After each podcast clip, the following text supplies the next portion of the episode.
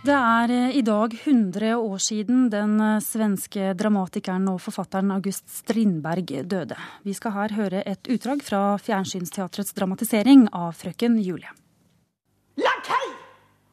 Tjener, reis deg når jeg snakker! Tjenertøs, lakeiludder, hold kjeft og gå din vei! Skal du komme og forholde meg at jeg er rå? Så rått som du har oppført deg i natt, har ingen av min klasse oppført seg. Tror du noen tjenestejente antaster mannfolk sånn som du gjør? Har du sett noen av min klasse by seg frem på den måten? Nei, sånt har jeg bare sett blant dyr og falne kvinner. Riktig, slå meg, tråkk på meg, jeg har ikke fortjent bedre. Hjelp meg, hjelp meg ut av dette hvis det finnes noen mulighet. Det var eh, Ane Hoel og Svein Scharfenberg som eh, spilte rollene Shaun og frøken Julie. Strindberg regnes altså som Sveriges mest betydningsfulle forfatter og dramatiker. og mange mener at han også er grunnleggeren av det moderne teatret. Og med oss på telefonen er Åsa Linderborg. Du er kulturredaktør i Aftenposten. Og hvordan markerer svenskene jubileet? Ja, vi har ikke feiret jubileet særskilt mye som eh, jeg trodde at man skulle gjøre. Eh, regjeringen har ikke avsatt noen penger for å feire August Strindberg det är väl kanske ganska symptomatiskt att han är en kontroversiell figur helt enkelt. Vi vet inte riktigt hur vi ska förhålla oss till honom. Er det sånn at eh, det er eh, for mye rebelsk ved Strindberg fortsatt, altså, i Sverige? Ja, jeg tror det. Han er erkjent som nasjonalskalden, og han er vår fremste dramatiker. Og vi er veldig stolte over ham på et sett, men han er også veldig besværlig derfor at han var så maktkritisk og gikk sine egne veier og eh, aldri anpasset seg til noen. Og siste to årene i livet var han jo uhørt radikal og gjorde gemensam sak med arbeiderrørelsen. Det er eh, litt lite feiring, hører vi deg si, men det er allikevel mange stykker som blir satt opp på ulike svenske scener nå. Hvilke stykker er det man velger seg når man da setter opp Strindberg? Eh, han spelas överallt just nu och det är, ja, det är väl det mesta. Det är Fröken Julie och det är ett rumspel till exempel. Eh, och eh, som dramatiker så är han inte särskilt kontroversiell utan det är personen, människan August Strindberg som är, som är problemet tror jeg. Eh, Karen eh, Frøsland Nystøyl, du er eh, anmelder av bl.a. dramatikk her i NRK. Vi hører her Åsa Linderborg si at dramatikken hans har man på en måte sikkert i Sverige gjennomdebattert og diskutert. Det er personen Strindberg. Hva tenker du om det? Er det ikke mer krutt igjen i dramaene? Jo, krutt er det jo igjen i dramaene, men det er en diskusjon hvor relevante de er nå, egentlig. Eh, den diskusjonen kommer ofte opp når man setter opp Strindberg nå. Jeg har registrert det. Eh, I Norge så har jo vi valgt, eh, eller Nationaltheatret og Riksteatret har valgt å sette opp Frøken Julie. Jeg har sett begge de to oppsetningene, og jeg er, jeg er egentlig skuffa over at de velger dette stykket, eller over at de velger en regi som jeg syns gjør frøken Julie ganske uaktuell, utdatert. Jeg, jeg, undres over det, for det finnes, det finnes masse dramatikk av Strindberg, og det finnes mange stykker å velge blant som er mer spennende enn akkurat dette. I hvert fall sånn som de ble valgt og satt opp på norske scener i år. Hva kunne du heller tenke deg fra dramatikeren? Jeg, eh, grunnen kan jeg kanskje si til at jeg ble skuffa over oppsetningen av Frøken Julie, er, er, at jeg aldri gikk med på Julies fall. Jeg syns ikke det at Julie faller og, og ikke kan leve lenger, er relevant til den hverdagen som i hvert fall jeg, vi i det vårt likestilte samfunn lever i. Eh, jeg syns Strindberg er mye mer spennende i når han beveger seg mot symbolismen i den siste delen av hans dramatiske produksjon. Jeg er spesielt glad i, i dødsdansen og i påsk, egentlig.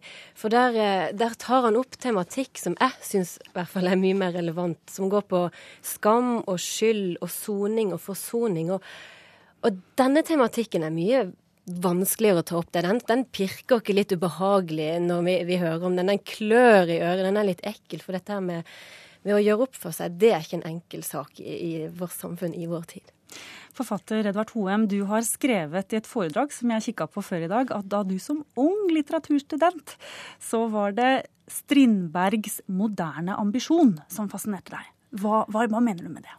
Han er, jo, han er jo nesten 20 år yngre enn Bjørnson. Han er nesten 25 år yngre enn Ibsen, så han går inn i den moderne tida på en helt annen måte. Men det er ikke bare at han faktisk lever seinere, men det er også at det hele hans språklige tilnærming til verden og hans, uh, hans omgang med og strid med problemer i tida, er, det er noe voldsomt rastløst og utålmodig der som gjenspeiles i språket hans.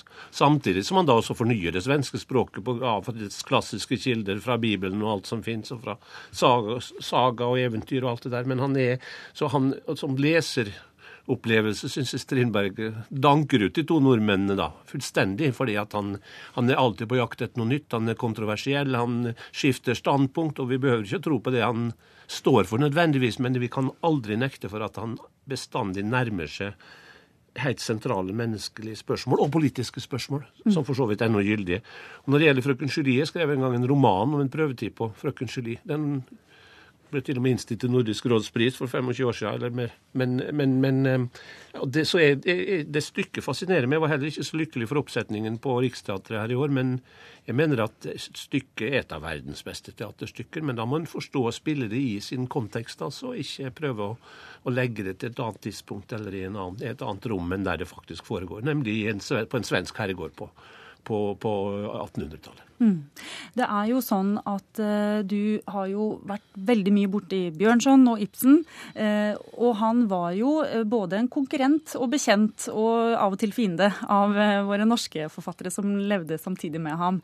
Hvorfor var det så dårlig stemning mellom Strindberg og Ibsen og Bjørnson? Nei, det var jo fordi at dette er jo nervemennesker, for det første. da, Og så var, var, det jo rivalisering på et høyt nivå. Noe som kunsten aldri er fri for. Og det syns jeg for så vidt er bare greit nok. Strindberg beundra Bjørnson voldsomt før han møtte han. Skrev vanvittige hyldningsartikler til han i svensk presse om denne store nordmannen som satt foran åpent vindu i, i kulda i Paris og som i ulveskinnsfrakken sin, skrev, eller bjørneskinnsfrakken, og skrev store dramaer. Og han skildrer Bjørnson nærmest som en, en, et geni. Så møtes de. Bjørnson kastes over han og skal passe på den nervøse, rastløse unge. Strindberg det slår ikke an i det hele tatt. Han vil ikke ha noen Bjørnson-patron. Han drar til Genéve, han vil unna. Han orker ikke ha den tyrannen over seg. Og så til tross for at Bjørnson forsvarer han da, så greier de å legges ut med hverandre sånn at det bryter. Endelig og for bestandig 1886, altså lenge, lenge før de begge to døde. Og de hadde aldri kontakt med hverandre mer, så vidt jeg kan se. Åsa Lindeborg, han fikk aldri Nobels litteraturpris. Hvorfor eh, fikk han ikke det? Jeg tror at han var for kontroversiell helt enkelt og han eh, holdt seg ikke vel med dem som skulle kunne gi ham priset. Han var, han var jo osams med en masse mennesker med, som hadde det her, de, altså ressursene å bestemme over hvem i litteraturen som skulle gilles helt enkelt. Så Jag tror att han var osams med fel personer och det tycker jag tillhör storheterna med honom. Att han, att han inte var någon försteslickare utan att han gick sina egna vägar, kosta vad det kosta ville. Han var ikke noe redd for å erte på seg eh, sine, sine medforfattere og samtidsforfattere eller eventuelle Nobelkomiteer? Nei, han var, han var ikke redd for noen om man skal anvende en klisjé. Og eh, i den meningen så var han ju en, en sann intellektuell, att han stod för någonting och, och precis som ni sa tidigare, han kunde ändra sig och det gjorde ju också alltså, samtiden väldigt nervös. Att de, de kunde inte ringa in honom riktigt för att han var oförutsägbar på ett sätt som, som störde etablissemanget väldigt mycket. HM, mener du at han eh, burde ha fått uh, den gjeveste litteraturprisen av dem alle? Definitivt, eh, det er absolutt definitivt. Altså, når jeg tenker på alle andre merkelige personer som har fått den, for så vidt inklusive Bjørnson, som jeg sjøl skriver om. Men altså, Strindberg var ute av det gode selskap for lengst da, da, nobelprisen kom. Han ble jo ekstremt radikal på slutten og går jo bare mer og mer til venstre. Og i karakteristisk i Aftenposten i Bjørnsons begravelse står det Og her var også Sveriges store forfatter, største forfatter til stede, Werner von Heidenstam. Hvem i all verden er som tenker på Werner von Heidenstam i dag i forhold til det Strindberg fortsatt betyr i praksis? Så det var bare at han, han løp lina ut. Voldsomt respekt for han, akkurat det. Intellektuelt bare fullstendig kompromissløs. Mens Ibsen krabba rundt i europeiske kongehuset for å ta i ordener, og gikk rundt kledd som et juletre midt på dagen med alle medaljene på seg. Strindberg forakta alt som det der, der, der og det, det elsker han for, og kommer alltid til å elske han for. Da sier vi tusen takk til dere som kunne være med. Åsa Lindeborg på telefon fra Sverige, Karen Frøsland Nystøl og Edvard Thon.